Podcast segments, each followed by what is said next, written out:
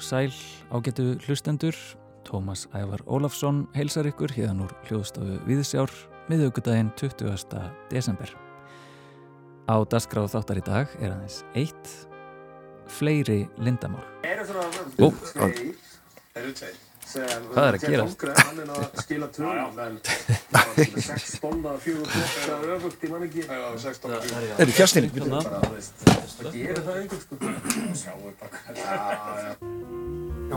Já. Guðminn alveg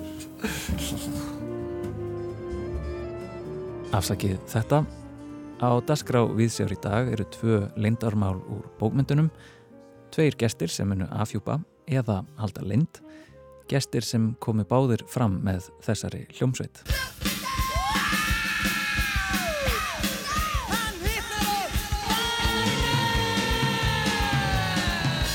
Fyrsta lindamál á dasgrá er umdeilt bókmyndaverk.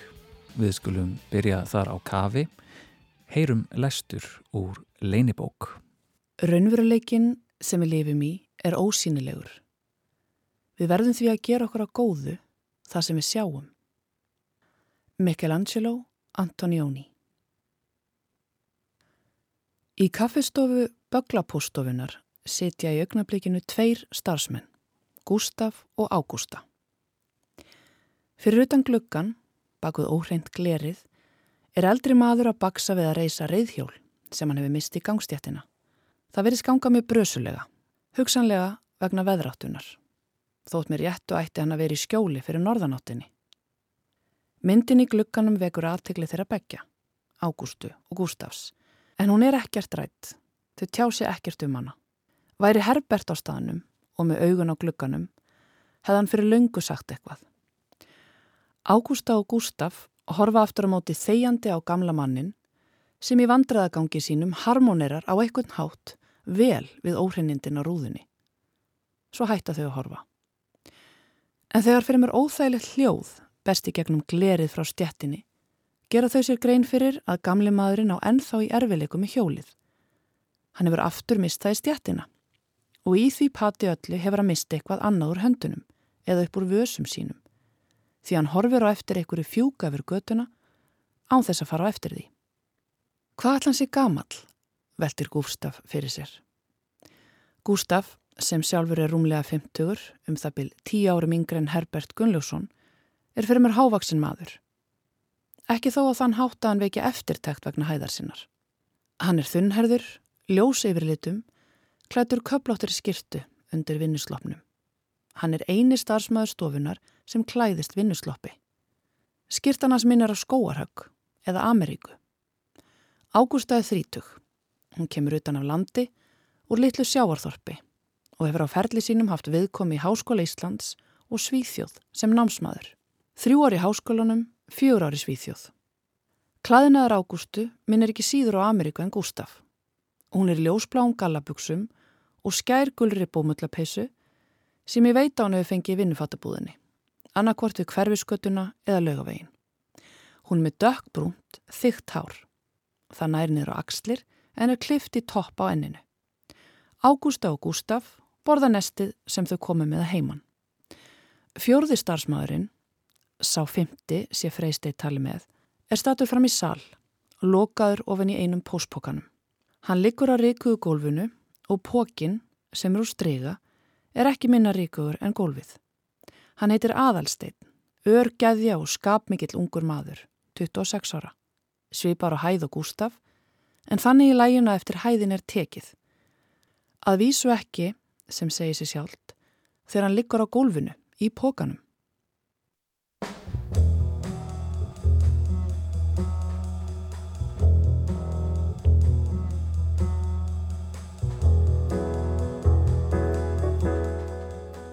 Við heyrðum hér lestur af fyrstu blaðsíðum stuttrar skaldsögu, nóvelu eftir þekktan höfund sem gefin var út árið 2014 en rataði þó ekki í bókabúðir, ekki bónus heldur, hvað þá fortbókaveslanir. Bókin var ekki gefin út af hefðbundnu forlægi heldur leigufélagi, umdeldu leigufélagi nefndu eftir þriðja bókstaf gríska stafrófsins, Gamma og aðeins dreift til starfsmanna og viðskiptavinna þess. Viðbröð bókmyndasamfélags Íslands voru vægast sagt slæm, aðtöðasemdakerfi loguðu, höfundur var sagaður um að gangast auðmagninu á vald, að hafa sveikið lesendur sína og að hafa bröðist skildum sínum sem rithöfundur á ritlunum ríkisins og fleira í Sveiðbjörndur. Bókin nefnist Böglaposts stofan og er eftir Braga Ólafsson en í ringulreiðinni í kringum útgafu 2014 og inn í 2015 neytaði hann að tjá sig um málið og nú, næstum áratugið síðar, þegar ríkið hefur fengið að setjast, fáum við í viðsjá góðfúslegt leifi til að spyrja hann út í aðdragandan, ferlið og skáldverkið sjálft. Bræði Ólafsson velkomin í þáttin. Takk fyrir. Mætti ég spyrja kannski bara stóru spurningan fyrst, eh, hver var aðdragandin að, að þessu ævintri?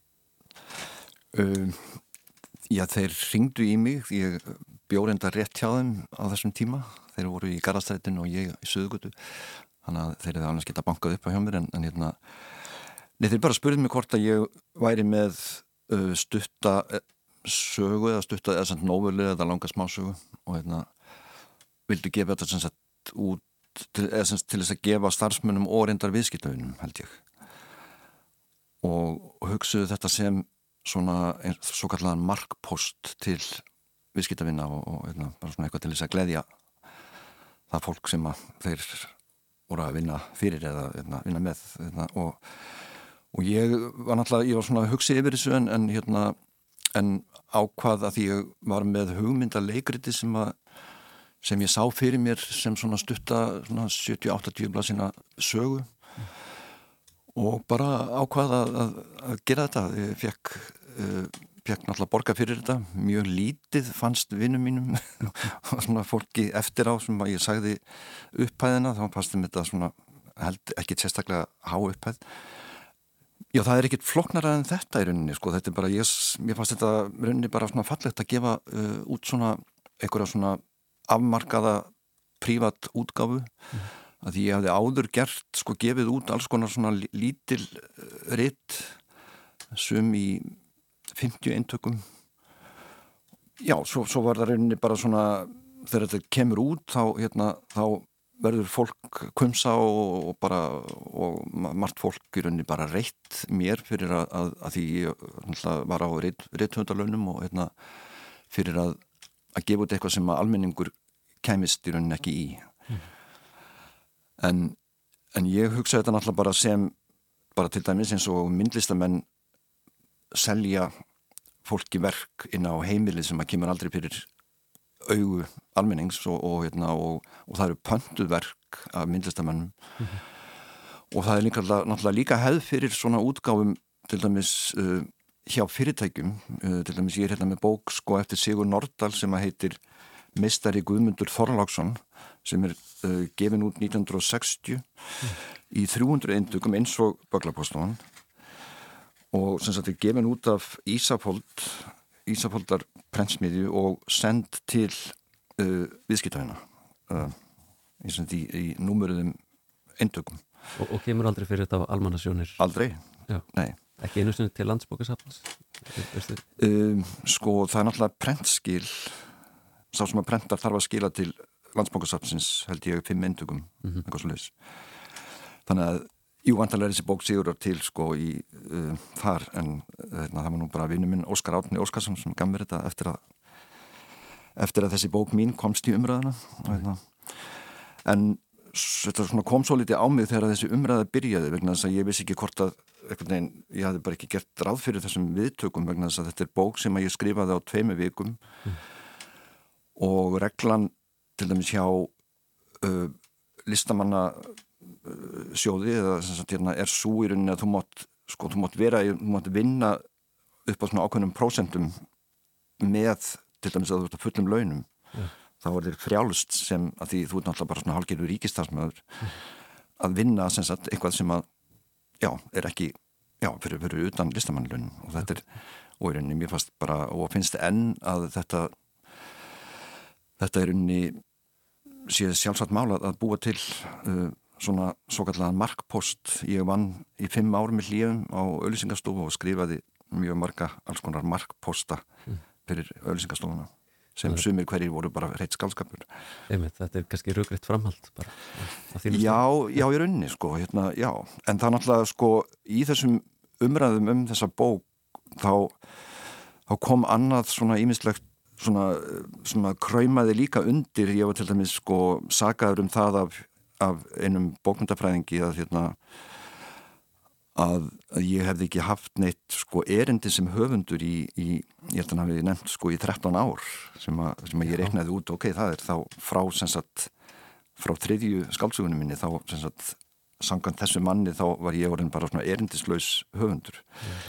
og það var kannski það, það sá punktur sem að ég hugsaði mest um sagt, þegar svona ríkið settist að ég hef rauninni aldrei skilið þetta að rítöfundur hafi ákveði erendi að því hérna ég sé ekki skálskap sem sem leið til að koma einhverju ákveðnum prógrami til skila eða, eða hérna bóðskap vegna þess að ég líti alltaf á skálskapin sem í rauninni bara leik sem eitthvað uh, svona meiri í rauninni fagufræði mm -hmm. en í sko ég er náttúrulega að skrifa held ég aldrei texta nema ég finni fyrir einhverju merkingu sem að hérna Uh, að því annars, annars myndi verkið ekki drífa mig áfram. Ég get ekki setið bara á rauninni bara svona bylla og sagt eða verið, verið að skrifa eitthvað. Mm -hmm. þetta hefur alltaf einhverja ákveðna verkingu fyrir mér og stundum verið var við að, að lesendur komi auga á það sama og ég er að hugsa en, en stundum eitthvað allt annað. Mm -hmm. þannig að ég held að öll mín skaldverk séu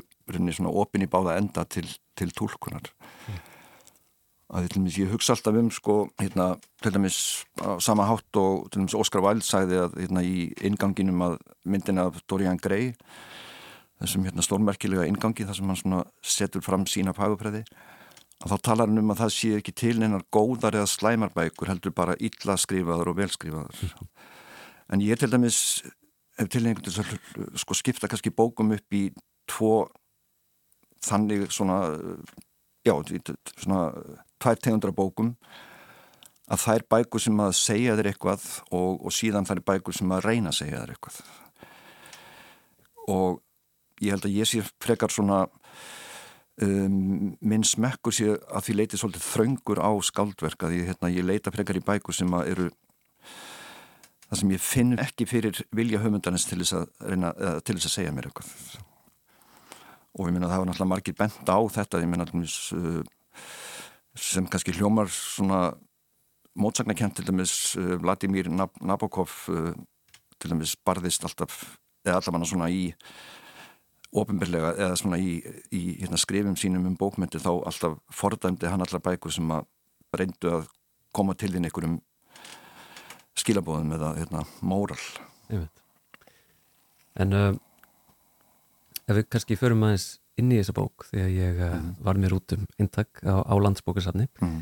þar er hægt að fá að láni allavega já, ein, eitt intak úr geimslu og líka mm. að fá að lesa hana í, á Íslandsafni en uh, Böglapoststofan kemur út uh, 2014 en ég sá sagt, uh, að hún er til sem einhvers konar smáprósi í uh, reytinu Mátunarklefunum sem kom út árið 2007 Varstu búin að ganga með hugmyndina þessari stofu lengi, lengi þá? Já, ég held að það sé bara nokkuð skjálfesta, ég hef greinlega verið sko hugsað um, um eða semst ég að Böklapostofan hafi verið mér ofalega í huga, ég vann þar í, ég man ekki, 1-2 ár. Og það var mjög svona skemmtilegt samfélag einhvern veginn inn á þessari svona reik fylltu stofu, mikið reik og hérna, það var náttúrulega svona stregapóka notaði þá eða já, það var svona verið að breyta yfir í einhverja plast, plast eða svona öðruvísi efni en, en strygan en það voru mjög svona litriki karakterar inn á stofinni og, og, og, og líka svona þessi andi inn á svona ríkistofnun því pósturinn var ríkistofnun þá sem hann ætti að vera en þá fyrst mér. En sko þessi, þessi stutti prósi í mátunarklefanum sem kom út held ég 2006 eða 7 hann, hann svo sem snertir ekkit á þessu sem ég er að fjalla um þarna í böglapostlofunni, þessari löngu smásögu.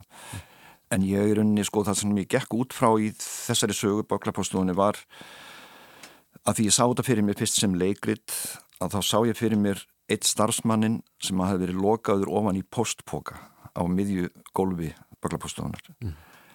og út frá því einhvern veginn kom, kom þessi saga sem það var hérna sagan gerist í hátteginu þegar yfirmadurinn á böglapóstofunni er í mat. Hann er að hitta einhverja rúsneska starfsmenn nei hérna, hérna sovjerska hérna, sendiráðsins á nöstinu þá er, þá er elsti starfsmadurinn inn á böglapóstofunni sem að tekur að sér svona hlutverk sko yfirmannsins og hérna hann og hann ákveður eftir að yngsti starfsmæðurinn er eitthvað að áreita eina konu sem að vinnur hérna að refsónu með því að loka hann ofan í póka og það svona mælist misjaflega fyrir hjá, hjá hinnum starfsmennunum og, hérna, og svo kemur þarna inn viðskiptavinnur kona sem er heimsbyggimentuð og, hérna, og einhverjum vegna vil hún stöðva sendingu sem hann hafði sett í, í post held í daginn áður.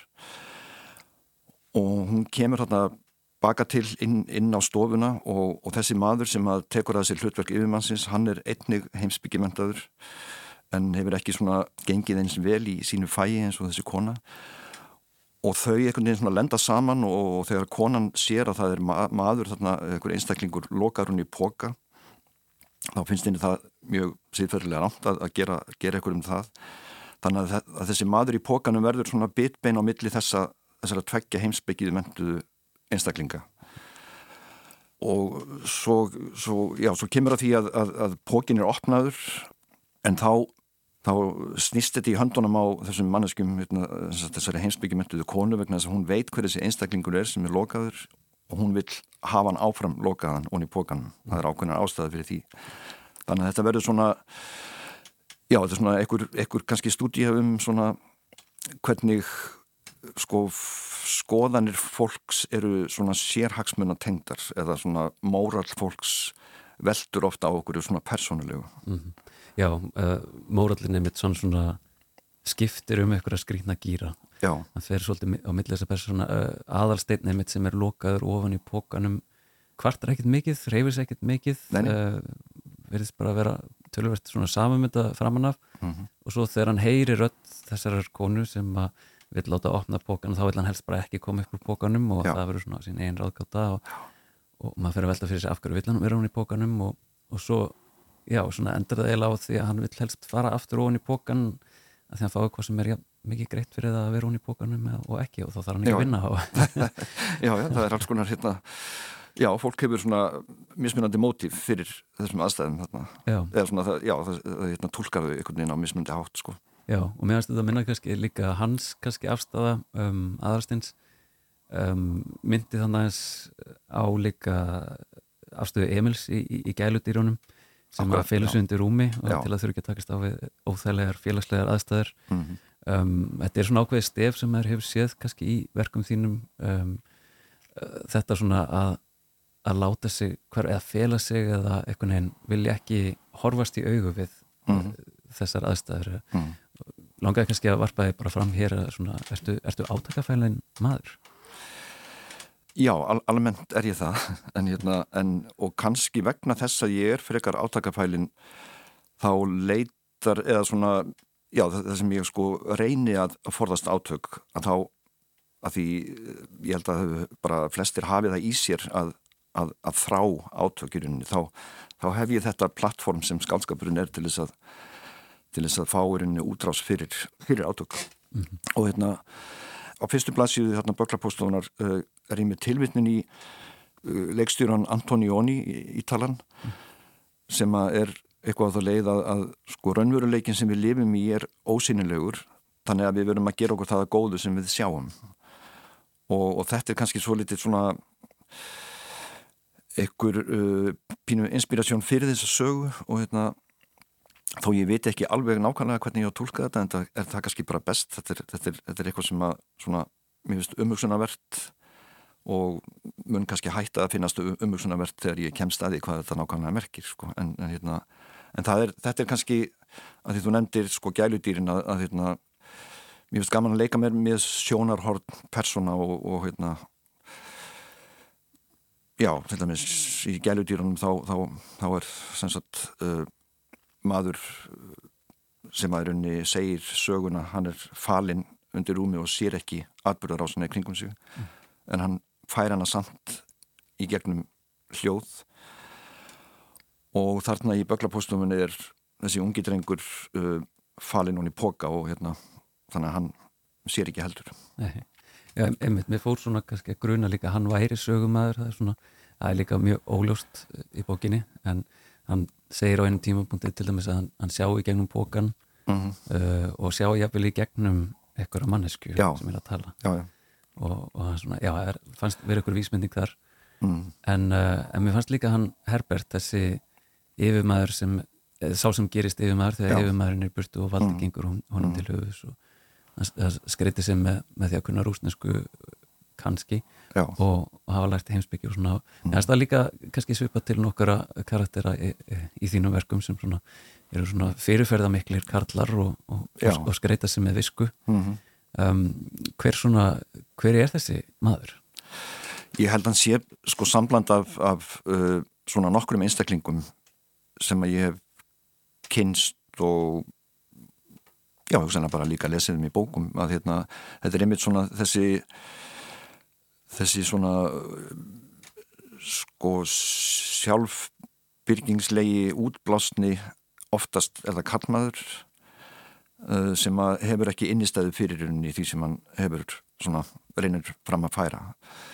Og vantarlega hef ég búið til eins og segir sko nokkrar útgáfur af þessum svona karakter.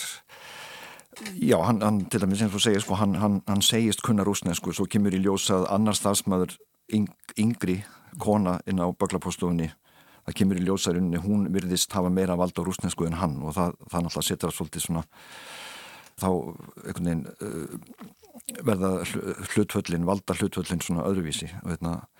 en til dæmis sko ég er búin að skrifa leikrit upp úr þessari bók böglapóstunni eins og ég ætlaði uppalega að gera en það leikrit uh, það, það kallaðist yfirmaðurinn í mat mm. og rauninni fylgir alveg þessari sögu en svo kom í ljósa að, að leiktekstin var einhvern veginn of svona prósæskur, hann, hann virkaði ekki alveg svona fyrir svið þannig að núna í augnablikinu er ég með sagt, hugmynd eða sagt, þá hugmynd að nota þessa sögu sem að tengist til dæmis uh, síðustu skálsuguminni gegn gangi leiksins og annari bók sem að uh, kæmi á milli mm. sem ég er að skrifa ja. og þá hafði ég hugsað mér að sagan hétti Ég var á staðnum og sagt, ég er sögumæðurinn er inn á boklapostofunni og lýsi því sem að gerist þar svipuð og því sem að gerist þessari bókinni Böglapóstofunni en ég ég kem aldrei við sög mm -hmm. þannig að sögumæðurinn er inni á staðnum en er ekki þáttakandi í atbyrðum yeah. þeim atbyrðum sem gerast sko. Þannig að Böglapóststofan á sér framtíð. Ég held ég verði bara ég verði ábyggilega að böglast með þetta sko. Ég fyrir ekki, þetta átti ekki að koma svona út böglast en hérna, jú, þetta verður eflust í höstum á mér þetta eða svona þanga til ég kem vonandi út þessari bók sko, og jafnvel, jafnvel fyrir þetta ekkert í manna svið. En uh, ég held ég hafið ekki lengraða sinni. Bræði Ólafsson, takk ég lega fyrir að tala ja. um mig Böglapóst Takk sem leðis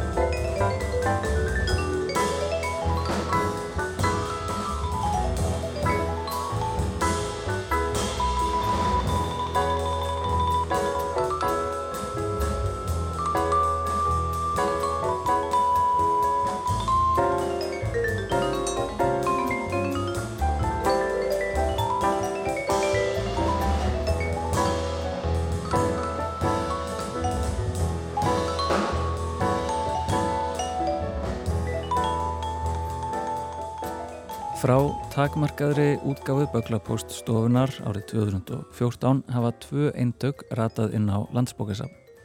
Annað þeirra má lesa á staðinum í lesstofu Íslandsafn sem geymir allflest ritt sem gefin hafa verið út á íslensku.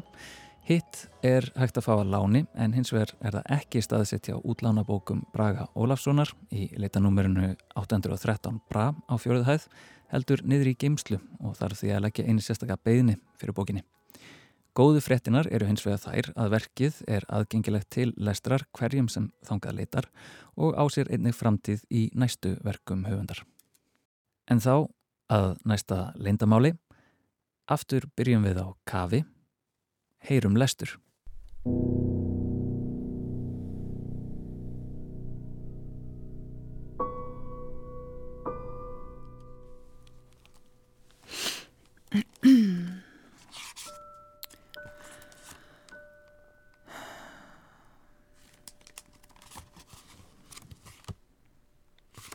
Herri, það er ekkit á þessum blasum. Býtum við? Bara stendur ekkit hérna.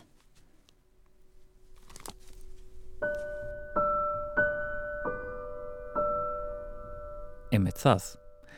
Okkur tókst ekki að verða okkur út um eintak af næstu leinabók. En hún er einnig skrifuð af þekktum íslenskum höfundi. Bókin sjálf hefur ekki komið fyrir sjónir almennings og líklega hafa ekki margar manneskjur í heiminum borið tekstan augum, hugsanlega aðeins höfundur sjálfur. Lítið er vitað um þetta verk.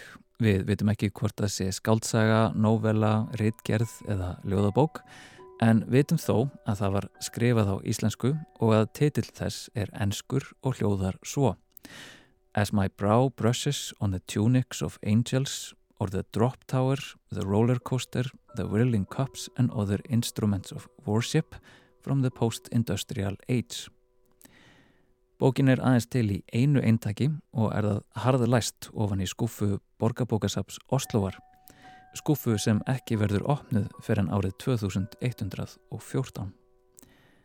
Höfundur bókar er Sjón og er bókin hluti að finna svo kallega framtíðar bókasafni eða The Future Library.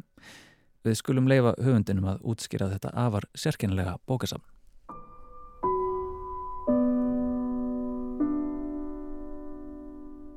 Sjón, innilega velkomin í Viðsjó. Takk. Ertu til að segja mér kannski bara östnögt uh, hva, hvað þetta er?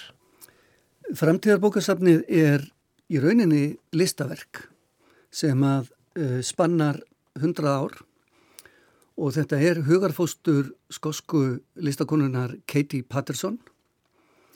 En hún var beðin um að búa til verk svona í ofinberu rými á nýja uh, svæðinu í Oslo, þarna í kringum óperuna og, og, og ég held að þetta heiti Björnvíka þetta svæði. Og þau eins og allt almennilegt fólk uh, panta listaverk fyrir hér almennarými og henn er búið til Norex og, og hún beði um að skoða þetta og hún baði um að fá að hugsa sér svolítið vel um og, og uh, þau útvöguðinni hérna uh, bústað, kofa út í skógi og þar var hún í nokkra daga án hitta á ramags og, og bara með sjálfrið sér á skóginum og kemur tilbaka með þessa hugmynd þegar hún er búin að vera þarna innan um trían og sjá uh, pappirinn vaksa allt í kringum sig held ég og finna fyrir tímanum að uh, þá kemur hún tilbaka með þessa hugmynd að búa til bókasapn sem að uh, yrði þannig til að það væri fengin höfundur til að skrifa bók á hverju ári eða bókmyndaverk á hverju ári í hundraða ár. Þessum verkum væri sapnað saman yfir þennan tíma og haldið leindum til álsins uh, 2114. Og ég held að í hugmyndinu hennar sé forsendan fyrir lindamálinu svo mögulega, ég hef ekki réttið af það að ef þú horfir á tré og hugsaður um tré sem mögulegan pappir sem bóki prentuð á þá eh, gefur tréð ekki uppi efni þeirrar bókar við verðum að býða þólimáð eftir því. Svo að hún setur þetta verkefni á stað og uh, ég var nú reyndar stattur á Louisiana bókmyndaháttiðinni í, í Danmörku. Held ég höstið 2013 og þar kom þessi listakona, Katie Patterson og ég sá hún var þarna eitthvað vappi og svo kom til mín og kynnti sig og, og sagði að hún væri svona að, að hérna, vinna á okkurna verkefni og það væri þetta og, og, og let mér fá upplýsingar um hvað hún gert áður og þá kom með, meðal hans í ljós að með fyrstu verkonum hennar voru unnin á Íslandi. Mm. og þannig hún hafi tengslu í Íslandi og ég hugsaði með mér, já já, hún er bara að segja mig frá þessu því að hér er ég íslensku rítöfundur og svo var hún eitthvað svona, sá ég að hún var eitthvað þarna að, að, að, í einhverjum skúmaskotum með Margaret Atwood. Og mánuði síðar, eða tveimur mánuði síðar, þá er tilkynnt um stopnun framtíða bókasapsins og að Margaret Atwood verði fyrstu höfundurinn sem leggur verk til sapsins og þetta er allt saman kynnt eh, svona með miklum bravúri og út um allt og ég hugsa með mér, já þetta er það sem hún var að gera mikið er það skemmtilegt árið síðar þá var David Mitchell mm, breski rítumundurinn kallaði til. Og þá hugsa ég með mér mikið svaklega skemmtilegt. Og hann var nefnilega líka á Louisiana. Já. á sömu háttíð og ég hugsa með mér, hvað, nú er hún komið tvo? Hvernig væri hún að talaði við mig einhvern tíman og svo bara árið síðar þá var haft samband. Og þær spurðu, hún og Anne B.A.T. Hóvind sem er uh, svona líkilmannisken í þessu miðinni, eh, spurðu hvort ég væri til í þetta. Mm. og ég var samstundist til af því að ég kem náttúrulega úr uh, svona mína rætur er í surrealismannum mm. og eitt af, því, eitt af því sem er svona framlag surrealismans til bókmenta og, og, og lista á 20. stöld er leikurinn og trúin á leikin sem afl í sköpun bæði hjá einstaklingnum sjálfum ef hann getur komið sér upp leikreglum í sínu, sínu, sínu verkum en helst á milli fólks og þarna áttuðum á, heyrðu að vera að bjóða mér í leik og ég ætla að vera með í eins og leik og í leiknum er leindamál mm. og það verður að bjóða mér að eiga leindamál Akkurat og þegar þá bóðið að skrifa þá er það ekki heila bók sem er síðan þá lókuð inni til já, næstum hundra ára er það ekki? Jú, svo er þetta þannig að hver höfundur hefur held ég sex mánuði mm. til þess að skrifa uh, verkið og einu skilirðin eru þau að þetta sé það sem að maður skilgreinir sjálfur sem bókmyndaverk frá einni blaðsíðu og upp í það sem að þú kemst á sex mánuðum ef að þú vilt skrifa þannig verk. Mm. Ef þú vilt skrifa eins mikið þú getur á sex mánuðum, þá gerur það. En sumir geta kannski bara skrifað eitt ljóð á sex mánuðum og þá verður það bara eitt ljóð sem fer í hilluna og síðan er byggt inn í þetta, eh, þetta inn í þessa hugmyndanar keiti það, það, það, það er byggðar svo það er bygg, bygg, bygg svo mörg stef og eitt er þetta sem sagt að þetta er kynnslóðaverkefni við erum orðinu öruglega tíu núna sem höfum lagt inn í, inn í, inn í, inn í sapnið og það verða 90 til viðbútar og það verður prentað á pappir sem er unnin úr trjám sem að voru gróðusett sérstaklega í e, skóarjadri e, norður af Oslo og þessi tríi hafa núna 100 ár til þess að vaksa og uh, síðan að uh, gefa lífsitt til þess að verða pappir fyrir þessa bækur í framtíðabókasafninu. Þannig að það er svo margt sem er byggt inn í þetta. Það er þessi kynnslóðahugsun, þetta er eitthvað sem hefur verið kallað á ennsku cathedral thinking og margir er að segja að þessi hugsun sem við verðum að tilengja okkur núna á tímum lofslagshamfara við verðum átt okkur á því að við við, við, við að, að, að, að eigum ekki bara að segja siðmenningin og mannlegt líf og, og, og tilvera mannsins á jörðinni er sameigilegt verkefn okkar allra mm -hmm. þannig að það er eitt af því sem er byggt inn í þetta svo er ægilega fallega svona heildræn uh, hugsun í, í framkvæmdini það voru felt tríu til þess að uh, það væri pláss fyrir nýju tríen og þau tríu voru síðan notuð í klæðningu á herbergi í nýja borgarbókastafninu í Oslo, herbergi sem er kallað eh, hljóðaherbergið, The Silent Room. Og í því herbergi eru hundrað hillur og hverju ári þá bætist handrit í eina af þessum hillum sem eru innsiglaðar með, með, með glerinnsigli með nafni höfundarins og í þetta rými geta gestir bókasapsins komið hvenar sem þeir vilja og, og, og, og kvíla sig í þögn. Mm. Þannig að þögn lendarmálsins er þarna í þessu herbergi en líka trían sem að upphaflega gáfi lífsitt til þess að verkefni kemst að stað. Og um, þú skilar þarna inn bókinni þinni annan júni 2017 samkvæmt gögnum Já. og hún ber þetta langa, langa heiti um, á ennsku, fann ég bara uh, As my brow brushes on the tunics of angels or the drop tower, the roller coaster, the whirling cups and other instruments of worship from the post-industrial age Áttu íslenskan titill fyrir þetta? Sko, þessi titill var samin á íslensku af því að það eina sem ég get látið uppi um uh, verkið mm. er að það er skrifað á íslensku. Engu staðar á ég nú hérna, hérna á ég, á ég að nafnið á þessu. Ég held að það uh, hérna hljóta vera einhvern veginn uh, þegar að enni mitt nefnur við kjólfald engla fallturnin, ringekjan og, og snúningsbollarnir og önnur tæki til tilbeðslu frá tímum síð yðnaðar uh, tímabilsins, eitthvað svo leiðis. Ég er nú eiginlega bara endur semja tekstan núna. Akkurat. En sem sagt, skilir þið er það að maður uh, leggji innverkið og það fái engin að lesa þetta fyrir uh, 2114. Mm -hmm. Og ég hugsaði nú með mér að því að ég er nú svona gaman að því að, að leika leikin og ég hugsaði með mér að það væri nú kannski svolítið sniðut að hafa títilinn bara doldið langan. Úr því að ég mætti ekki byrta fólki neitt af hinnu sko. Mm -hmm. en hann er náttúrulega uh, mátulega dullarfullur til þess að fólk getur ímyndað sér allt. Ég mitt ímyndað mér kannski ljóð uh, úr því að það er þannig að The Drop Tower, Rollercoaster, Whirlingur þetta er eins og kannski ljóðatillar þannig inn í Máttu segja eitthvað um tegund tekstans? Nei, ég má ekki segja hvort þetta er ljóð eða leikrit eða skáldsaga eða smásagninsamt. Máttu segja eitthvað um lengdina? Nei, ekki neitt. Já. Og það var einmitt þegar við hittumst í Oslo fyrir tveimur árum. Frekarinn í fyrra. Ég held að hljóðaherbergið hafi jafnvel verið opnað í fyrra. Og þá voru við köllu til nokkur af þeim höfundum sem hafðu lagt uh, til sapsins áður en að þöglaherbergið var opnað. Er hljóðaherbergið. Og uh, til þess að fólk gæti ekki séð hversu langar bækunar væru þá var búið svona að, að, að, að sko að jafna þetta út með, með, með, með blöðum.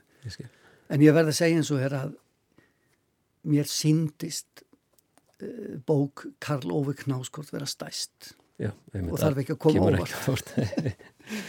en þetta er auðvitað svolítið sérstætt að vera bóðið til leiks og, og, og bóðið að skapa lindarmál og það sem að mér fannst eiginlega erfiðast við þetta, það er gaman eiga lendamál og, og ég held að það sé nöðsynlegt manneskunni að eiga lendamál. Í rauninni áttaði mig á því þegar ég horfið á í fyrsta skiptið á eina mínum uppáhaldskvikmyndum. En það er uh, Moonrise Kingdom eftir Wes Anderson.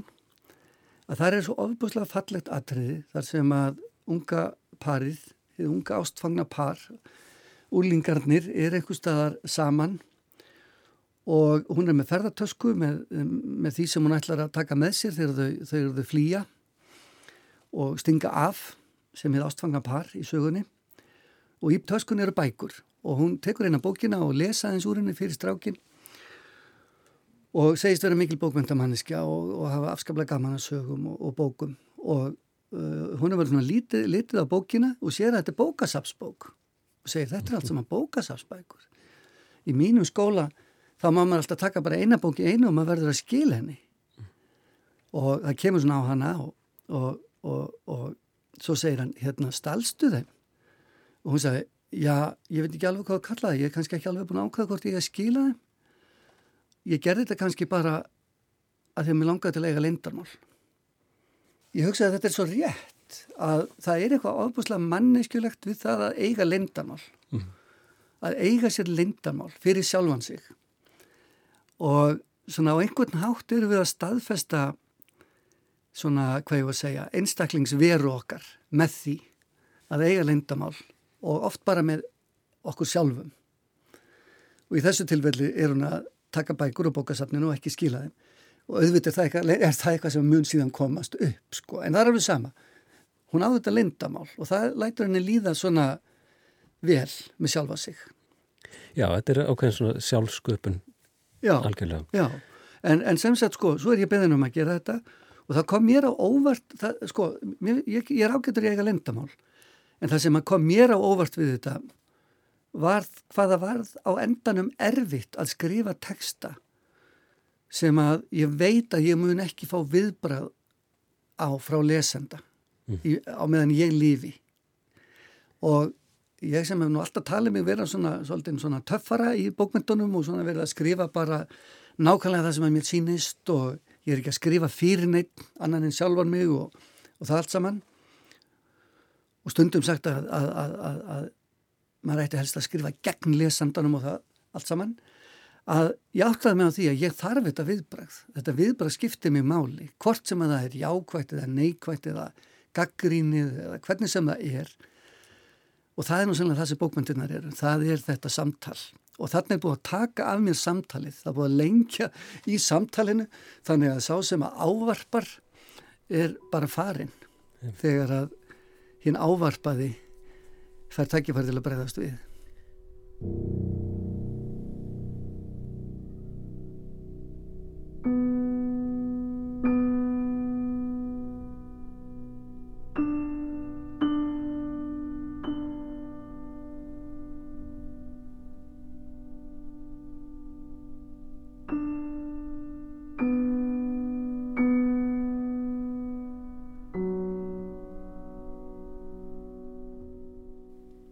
það hefði verið alltaf erfitt að koma inn í þetta verkefni fyrir mig ef við getum ímynda okkur að það hefði byrjað sem 1973 og ég reynir svona að áttamáði sko hvaða höfundar hefði verið komnir í sapnið á, á þeim 45 árum Einmitt. og ég er ekkert vissum að það hefði verið auðvelt að feta í fótspor þeirra Nei. og það er luxusum við það, það verið einn af þeim fyrstu sko Það er einmitt listin sem er gefin upp hérna á síðunni. Þetta er strax orðið svolítið svona íþengjandi myndi ég halda sko. Við erum komið með Knáskart og Han Kang.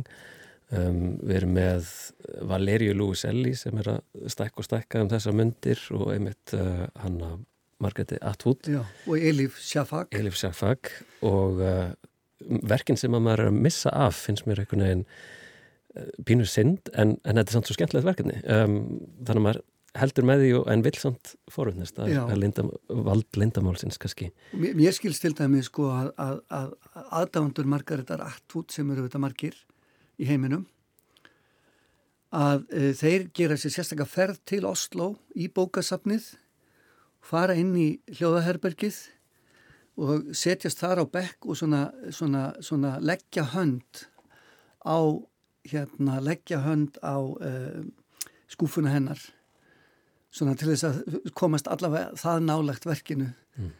á meðan þeir lifa Já, hérna. En ef við kannski spyrðum aðeins meira um líka verkið sjálf sko, eins og ég má uh, þú talar um þetta þú færð ekki viðbröð en svona það er í, í, í þessari vestrænu menningu skaldsögunar kannski að þá hafa einhverju hinsbyggingar talað um það að að líf höfundarins sé heið eilifa, að þú ert að ávarpa eilifðina og við fæðum kannski komið dramatíska spurningu fannstu, fannstu eitthvað fyrir þessu að þú verður að tala eitthvað neginn til, til tímaleysis? Ég myndi kannski ekki segja að ég hefði fundið fyrir því að ég væri að tala til uh, eilifðarinnar en auðvitað dreymir alla uh, höfundar sem að taka sig alvarlega um að vera lesnir í framtíðinni mm. að bækurnar eigi sér einhvert líf sem gerir það verkum að, að, að, að manneskja eftir hundra ár lesana og, og, og, og spáir í hvað þessi höfund var nú eiginlega að hugsa og akkur hann hefði gert hlutina svona. Þannig að ég fann fyrir því að þetta er svona ákveðin, svona, svona ákveðin forréttindi að hafa fengið þó allavega sko lofvarðum það að það komi út texti 2114. Ég fann fyrir því og auðvitað veldiði fyrir mér hvað gæti breyst á þessum hundra árum. En um leið að þetta átti ég með því að ég er sjálfur auðvitað alltaf að lesa texta sem eru 100 ára og 200 ára og jáfnvel, þú veist, 3000 ára. Þannig að það er ekkert sem á að vera því til fyrirstöðu að það geti ekki átt sér samtal. Mm. En svo held ég bara að allar bókmyndir og, og, og kannski sérstaklega, nei allar bókmyndir, tölum bara um bókmyndir og ég held að sé kannski meira jáfnvel í bókmyndum en öðrum listum og fólk má bara leiðrætta mig ef það er rétt hjá mér en ég held að við byrjum alltaf bók með, uh, með vonina um að það verði eitthvað afhjúpað fyrir okkur í verkinu, að það muni eitthvað afhjúpast í, við lesturinn, mm. að höfundurinn ætla að leið okkur eitthvað og segja okkur eitthvað sem að hann einn veit þanga til á sko að, að á blaðsjöðu 111 þá ætlar hann að segja okkur eitthvað sko. Og erum búin að svona, svona, svona undirbúa það og, og svona gera okkur spennt fram að því. Og þetta áheila við allar bókmyndir samankvort að það eru fagurbókmyndir eða, eða afturrengabókmyndir það er alltaf þetta lofurðum að það muni verða eitthvað afhjúpað að höfundurinn viti eitthvað sem við vitum ekki. Og þetta er auðvitað líka í ljóðum. Við þurfum að lesa ljóð. Stundu þurfum við að lesa ljóð 5, 6, 7, 8, 9, 10 sinnum til þess að allt í einu bara opnast einhver mynd í ljóðinu og við skiljum það. Og þetta, þannig, að, þannig að það er einhvern veginn alveg rétt að framtíðarbókarsafnið uh, eigi sér þetta, að, að það sé eitt af þessum, svona, þessum stóru stefjum sem það á, að það sé leindarmálið. Ég held að þessu góð lokaorð í byli. Sjón, takk ég alveg fyrir. Takk.